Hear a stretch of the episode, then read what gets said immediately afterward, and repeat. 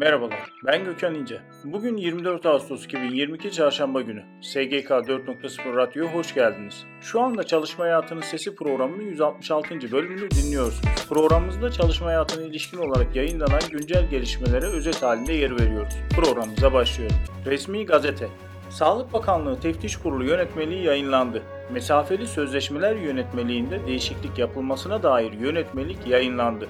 Sosyal Güvenlik Kurumu alacaklarının 6183 sayılı anne alacaklarının tahsil usulü hakkında kanunun 48'e A maddesine göre tecil ve taksitlendirilmesine ilişkin yönetmelikte değişiklik yapılmasına dair yönetmelik yayınlandı. HAP gündem. Çalışma ve Sosyal Güvenlik Bakanı Vedat Bilgin'den binlerce kişinin beklediği EYT ile ilgili açıklama geldi. Emeklilikte yaşa takılanların son durumu ile ilgili önemli açıklamalarda bulunan Bilgin, Hollanda, Almanya modellerinden bahsediliyor. Bunlar doğru değil. Masamızda sadece bir tane EYT formülü var. Kamuoyunda konuşulan modeller doğru değil. Biz zaten 62 yaşında çalışanları emekli ediyoruz ifadelerini kullandı. Ayrıca Bakan Vedat Bilgin, Aralık'ta veya Ocak ayının başında Türkiye Büyük Millet Meclisi'nde olur dedi. Hak İş Genel Başkanı Mahmut Arslan'dan isteğe bağlı sigortalılarla ilgili açıklama geldi. Arslan, isteğe bağlı sigorta kapsamında yer alan 1990 öncesi girişi olup 60 yaşını geçmiş olanlar için kalan prim gün sayıları kadar toptan ödeme imkanı getirilerek emekliliğe hak kazandırılmalarını imkan verilmesini istiyoruz dedi. Sosyal Güvenlik Kurumu tarafından hem SGK hem de Bağkur ödenen rapor parası ile ilgili flash bir gelişme yaşandı. Geçen sene değişen kanun sonrası rapor parası alanlar düşük rakamlarla karşılaşınca şoke oldu. Rapor parası verilirken son 3 ay yerine 12 aylık ücretin dikkate alınması nedeniyle ödenen para azaldı. Kayıp ise 4300 lirayı aştı. Çalışma ve Sosyal Güvenlik Bakanı Vedat Bilgin EYT'de formülün belirlendiği açıklamasının ardından sözleşmeli çalışanlar için de merakla beklenen açıklamayı yaptı. Çalışmanın bitmek üzere olduğunu kaydeden Bakan Bilgin, önümüzdeki günlerde kamuoyuna yansır. Geçici işçiler konusunu da hemen çözeceğiz. Taşeronu ondan sonra ele alıyoruz dedi.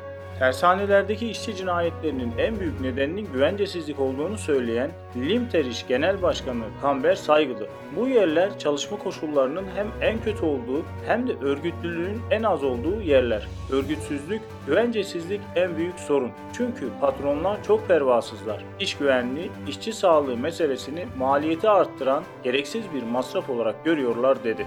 Büyükşehir Belediyesi Aydın'ın geleneksel tatlarından Aydın yuvarlamasının coğrafi işaretini aldı. Markalaşmanın önemine vurgu yapan Aydın Büyükşehir Belediye Başkanı Özlem Çerçioğlu, Aydın'ın geleneksel lezzetlerini koruma altına almaya devam edeceklerini söyledi. Dünyanın ilk 500 süper bilgisayar listesinde yer alan ve Türkiye'nin iki süper bilgisayarından birisi olan 1120 korluk süper bilgisayar Tuzla Belediyesi tarafından akademik çalışmalar yapmak isteyen öğrencilerin kullanımına açıldı. Nüfus ve Vatandaşlık İşleri Genel Müdürlüğü ad ve soyadı değişikliği başvuruları ile ilgili önemli bir gelişmeyi duyurdu. Sosyal medya üzerinden yapılan duyuruda ad ve soyadı değişikliği başvurularının 24 Aralık 2022'ye kadar e-Devlet aracılığıyla da yapılabileceği bildirildi. 2022 Adalet Bakanlığı arabuluculuk sınavı 4 Aralık 2022 tarihinde yapılacaktır. CHP Hatay Milletvekili Mehmet Güzel Mansur'un açıkladığı verilere göre 2021 sonunda 22 milyon 571 bin olan icra dosyası sayısı bu ay itibariyle 24 milyon 77 bin 828'e çıktı.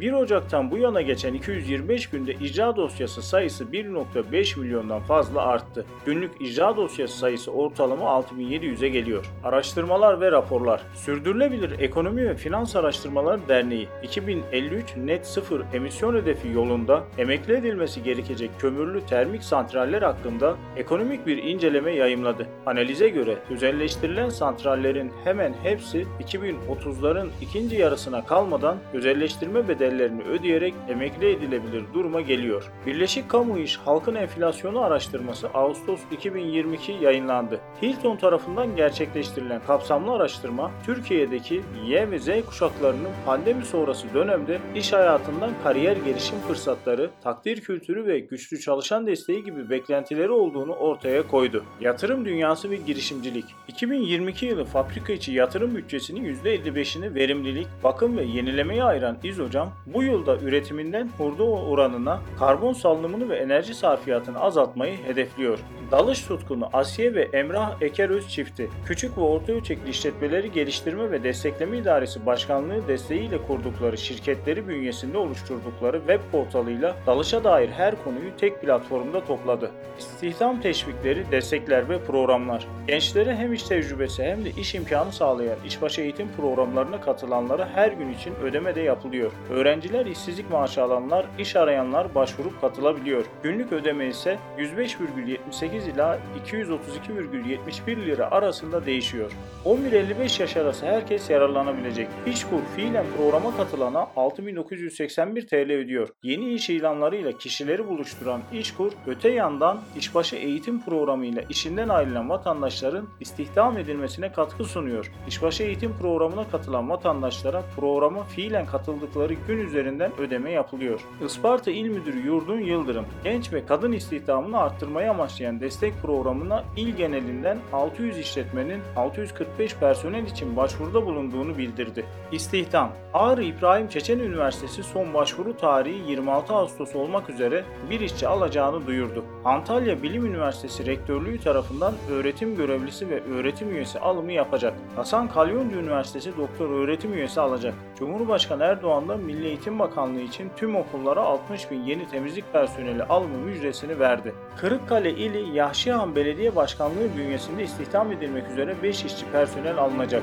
İşçi sorunları Bursa Eczacılar Kooperatifi'nin Konya'da taşımacılığını yürüten akıllı lojistik işçileri artan hayat pahalılığı karşısında şirketten zam talep ettiği için şirket yöneticileri tarafından çağrılarak tehdit edilmiş ve ardından işçilerin bazıları işten çıkarılmıştı. Patronların ensesindeyiz ağı ile temaslı olan işçiler ücretlerimiz sürekli erirken zam talebinin çok normal olduğunu, bizimle bunun üzerinden konuşmak yerine odalarına çağırıp tehdit ettiklerini belirtti. İşten çıkarmaların durdurulmasını ve zam talebinin gözden geçirilmesini isteyen işçiler talepleri karşılanmazsa mücadelelerini sürdüreceklerini ifade ettiler. Zonguldak'ın Çaycuma ilçesinde faaliyet gösteren Nersoy Tekstil'de çalışan işçiler bir süre önce Öziplik işe üye oldu. Sendikaya üye olan 3 işçinin işten çıkartılmasının ardından Öziplik İş Teşkilatı fabrika önünde açıklamalarda bulunarak işçilere destek oldu.